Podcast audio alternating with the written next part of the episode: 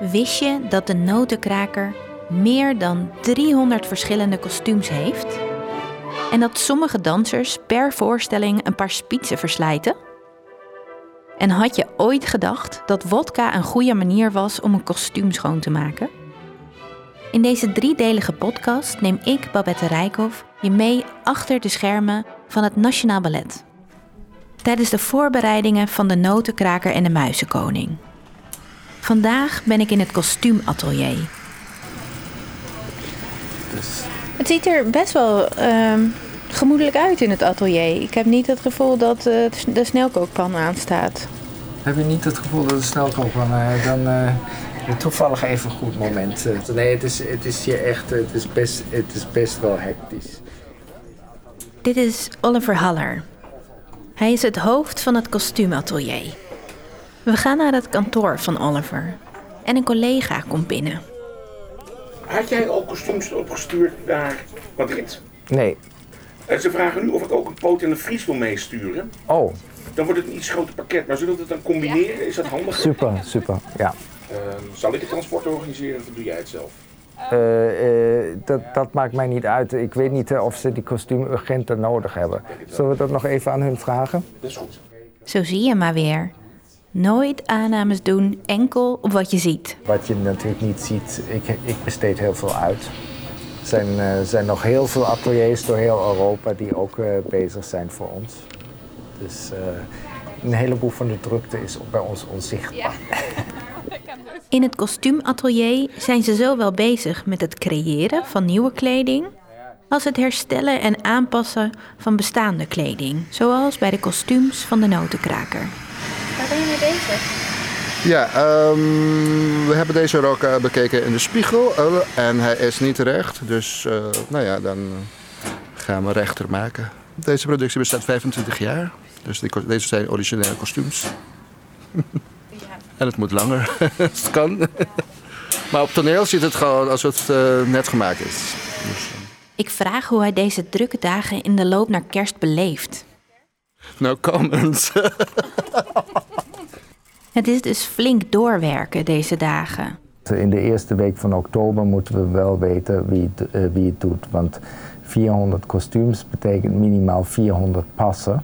Of eigenlijk nog meer passen. Ik zeg het niet goed, want uh, uh, niet iedere danser heeft zijn eigen kostuum. Dus uh, er zijn natuurlijk ook nog een heleboel kostuums die gedeeld moeten worden. Dus uh, het kan best zijn dat het uh, rond de 600 passen is. Maar dat zien we dus pas als we de bezetting hebben. Dan kunnen we zeggen van oké, okay, deze persoon kan een jasje delen met die persoon. Deze persoon heeft echt een eigen kostuums nodig. En dat ligt aan, aan zeg maar de mate van de danser? Ja, we hebben een hele database van iedereen. En dan wordt Oliver gebeld. Niet belangrijk? Mag ik hem opnemen? Tuurlijk, ja, ja, dankjewel. Ja, met Oliver. Hi, met Sarah. Hi. Ik wil heel even met je checken nu. Ja. Want ik had die Koyo en Sven die hadden... Het gesprek gaat over een kostuum van een danser. Hij past het namelijk niet meer. Ja. En zo heb ik het toch nu gedaan? Of uh, vergis ik me nu? Het is een probleem dat vaker voorkomt, vertelt Oliver mij later. In tegenstelling tot de vrouwelijke dansers die constant blijven in maat, veranderen de heren voortdurend doordat ze naarmate ze ouder worden steeds breder worden.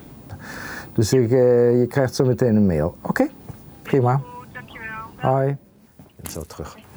Oliver loopt naar een collega om te vragen of zij de nieuwe maten wil mailen. Ah, dat was ik vergeten, dat, uh, dat Koyo gegroeid was, ja. Goed. Kleine brandjes aan het blussen. Nou ja, dus, het gaat altijd zo door.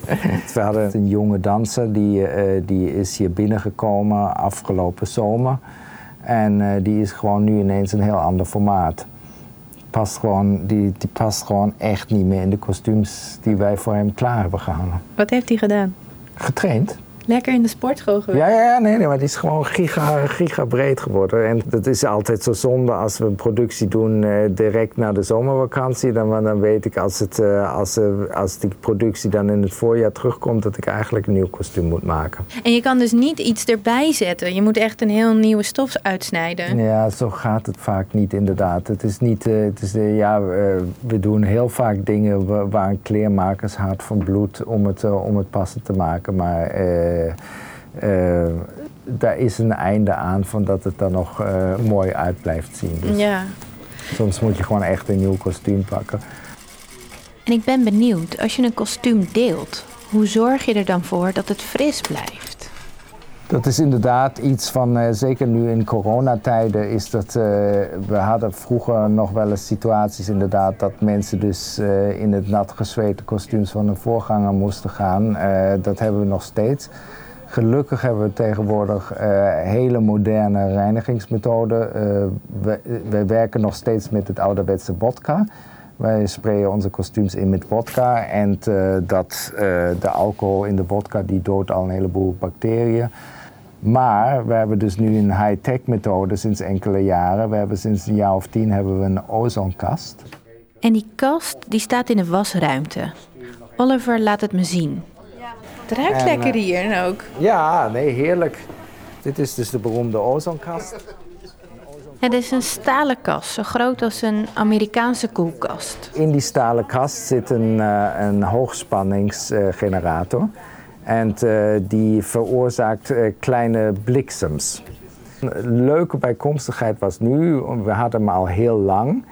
En tijdens COVID hebben we daar een tweede bij gekocht. Want het bleek ook dat ozon de enige remedie was tegen COVID. Als je dus een kostuum eh, meer dan 98 minuten in, de, in die ozonkast hangt, is het gegarandeerd COVID-vrij. Een paar verdiepingen lager is er een repetitie bezig. Een van de dansers is Hanna de Klein. Ze danst sinds 2008 bij het Nationale Ballet. In haar pauze komt ze langs in het kostuumatelier, omdat ze nieuwe balletschoenen nodig heeft. Ja, hier halen we om de. Nou, het ligt eraan.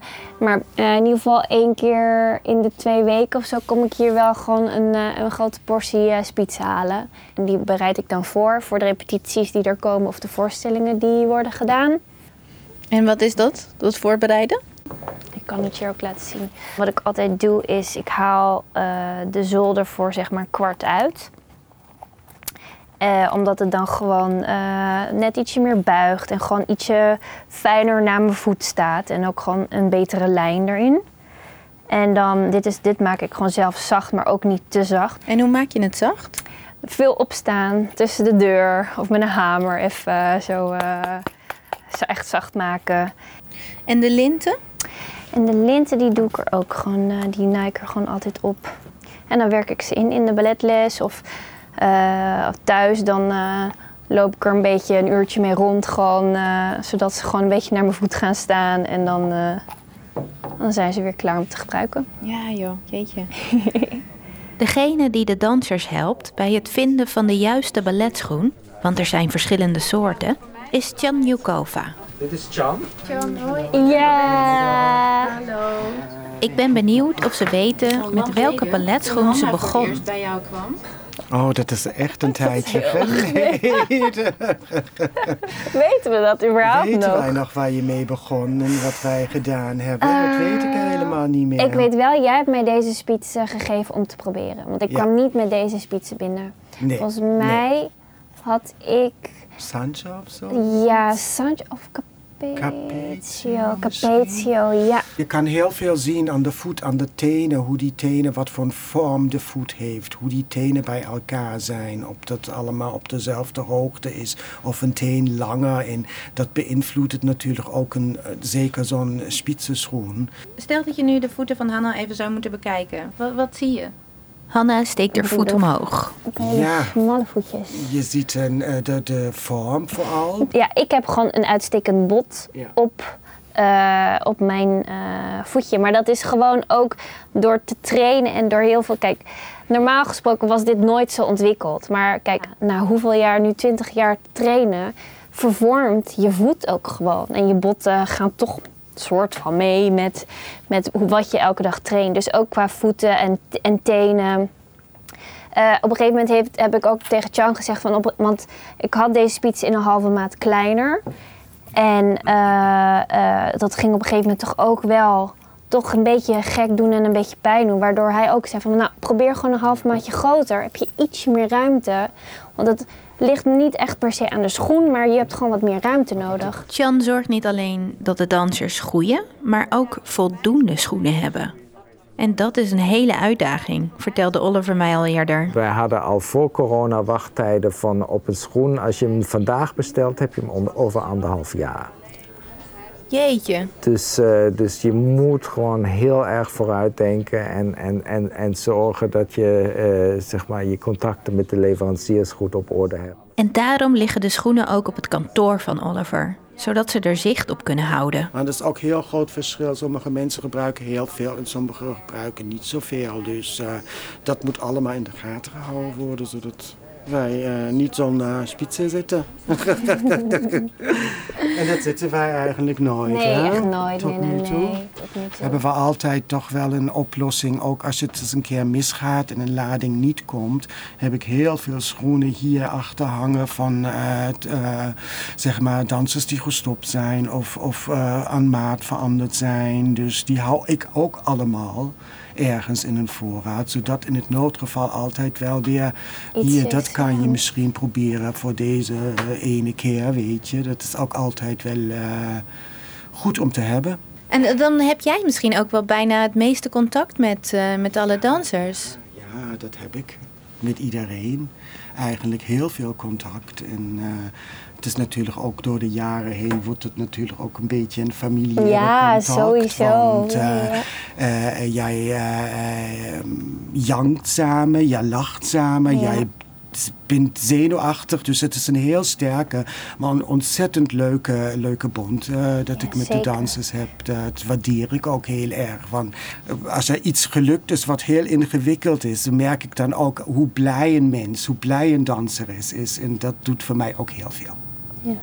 Hij zorgt heel goed voor ons. Ja. Ja, het grappige is, we zijn gewoon een heel, heel groot onderdeel van, ook van mijn carrière. Afgelopen week heeft Hanna een doorpas gehad van haar kostuum. Daar mocht ik helaas niet bij zijn vanwege coronaregels, maar Oliver heeft haar sneeuwvlokkostuum er even bij gepakt. Er hangt een briefje aan met aantekeningen voor de kostuummaker. Eh, broekspijp los, maar lekker. Ja. Dus eh, een extra... Het kostuum bestaat uit een tutu en een wit-zilveren lijfje. Op de rug van het lijfje zie je van onder naar boven zes rijen met haakjes. Hanna doet haar kostuum nog even Dat aan. noemen we altijd een zesbaan snelweg.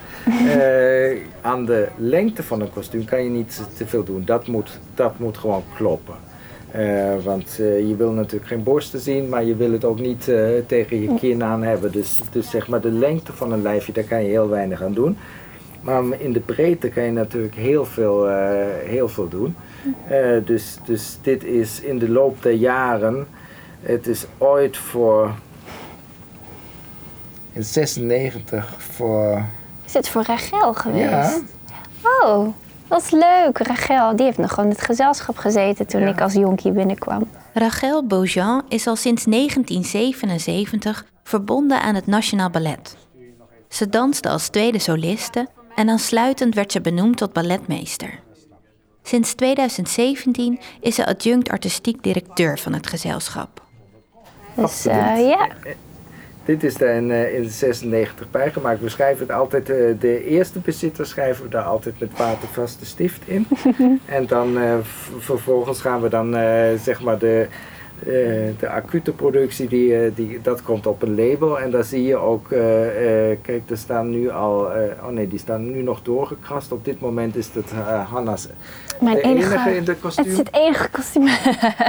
Heerlijk. ja, heerlijk. Nee. Maar je ziet, eh, we halen die haakjes daar ook nooit af. eh, Want eh, dan zijn we van vele maakten thuis. Kijk, je hebt ook de ene dag heb je misschien wat meer gegeten dan de andere. Absoluut. Past het gewoon wat minder lekker, wil je gewoon een ruimer pakje, dan, dan heb je ook gewoon de speling om het wat eh, minder los, of ja, wat losser aan te hebben. En je hebt de rok van Sofiane Silver, sorry. Oeh. Oeh. Dat was echt mijn idool, Sofiane Silva.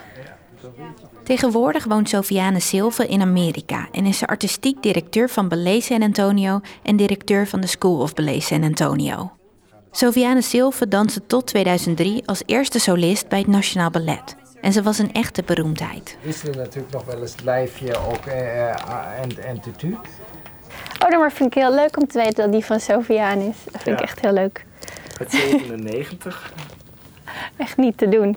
Nee, ik denk dat ik deze voor het eerst aan had in 2008, denk ik. Dat zou best kunnen, ja. Ja, dat was het eerste jaar dat ik hier kwam. Toen deden we ook meteen noodkraker. Dus ja, dat was wel, ja, 2008 denk ik. Was ik, was ik nog, toen was ik nog 17, denk ik. Jeetje, je gaat ook gewoon al een heel leven hiermee. Ja, sowieso, ja. Het was, gaat echt was heel... je daarvoor ook uh, in, in, de notenkraker? Uh, ik, was, uh, ik was kleine Clara notenkraker. Oh, wauw. Wat bijzonder is aan de notenkraker en de muizenkoning, is dat er kinderen mee dansen. En de jongste zijn acht jaar. Allemaal komen ze van de Nationale Balletacademie. En het is dus heel bijzonder en eervol dat je al zo jong mag meedansen in een grote productie. Wauw, dat wist ik niet eens. dat was toen de tijd dat, dat volgens mij, ik was kleine Clara, het was Igone was mijn, was kan de ik zus. eruit halen? Dus dat is ook allemaal uh, die hele generatie. En daarom ook de tutus van Sofia. Maar dat was ook de generatie toen ik heel jong was. Waren dat echt de, de sterren van, van Nationaal Ballet en, en, en in de wereld. Ik begreep trouwens wel eens dat met de tutu en deze is ja, die voelt ook natuurlijk wel hard. Dat je door een danser wordt opgetild. Dat hij nog wel eens grammen in zijn gezicht kan krijgen van, uh, van jouw tutu. Nou ja, dat, zou, dat kan best wel. Ja, je, natuurlijk, als je, je danst toch zo intens met elkaar. En zeker als er heel veel liften en zo zijn, dan, ja, dan kan dit best wel... Uh... Deze tule, als die nieuw is, is echt super hard. En dan heb je dus hele scherpe randjes inderdaad. Ja. Dit is beetje tegen het einde van zijn levensduur aan. Ik denk dat we nog één of twee notenkraken kunnen doen en dan moeten we de tutus ook echt vervangen. Uh, je kan, tule is een, is een soort van uh, ja, een gaas uh, wat, wat verstevigd wordt met, met, met kunsthars. Daardoor blijft het zo mooi uitstaan. Maar je kan hem dus nooit wassen. Dus je ziet, dit was ooit wit en dat is gewoon vergrijsd. ja, er zit heel veel uh, zweet en effort zit ja, er in die. Uh, ja, bloed, zweet en tranen zit er sowieso in.